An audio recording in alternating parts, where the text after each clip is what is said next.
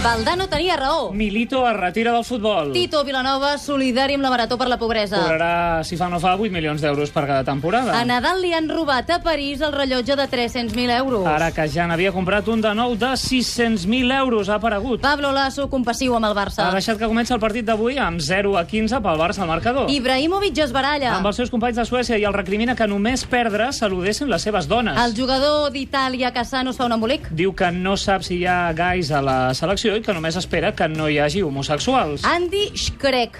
Es perdrà el Tour de França per lesió, segons la televisió de Luxemburg.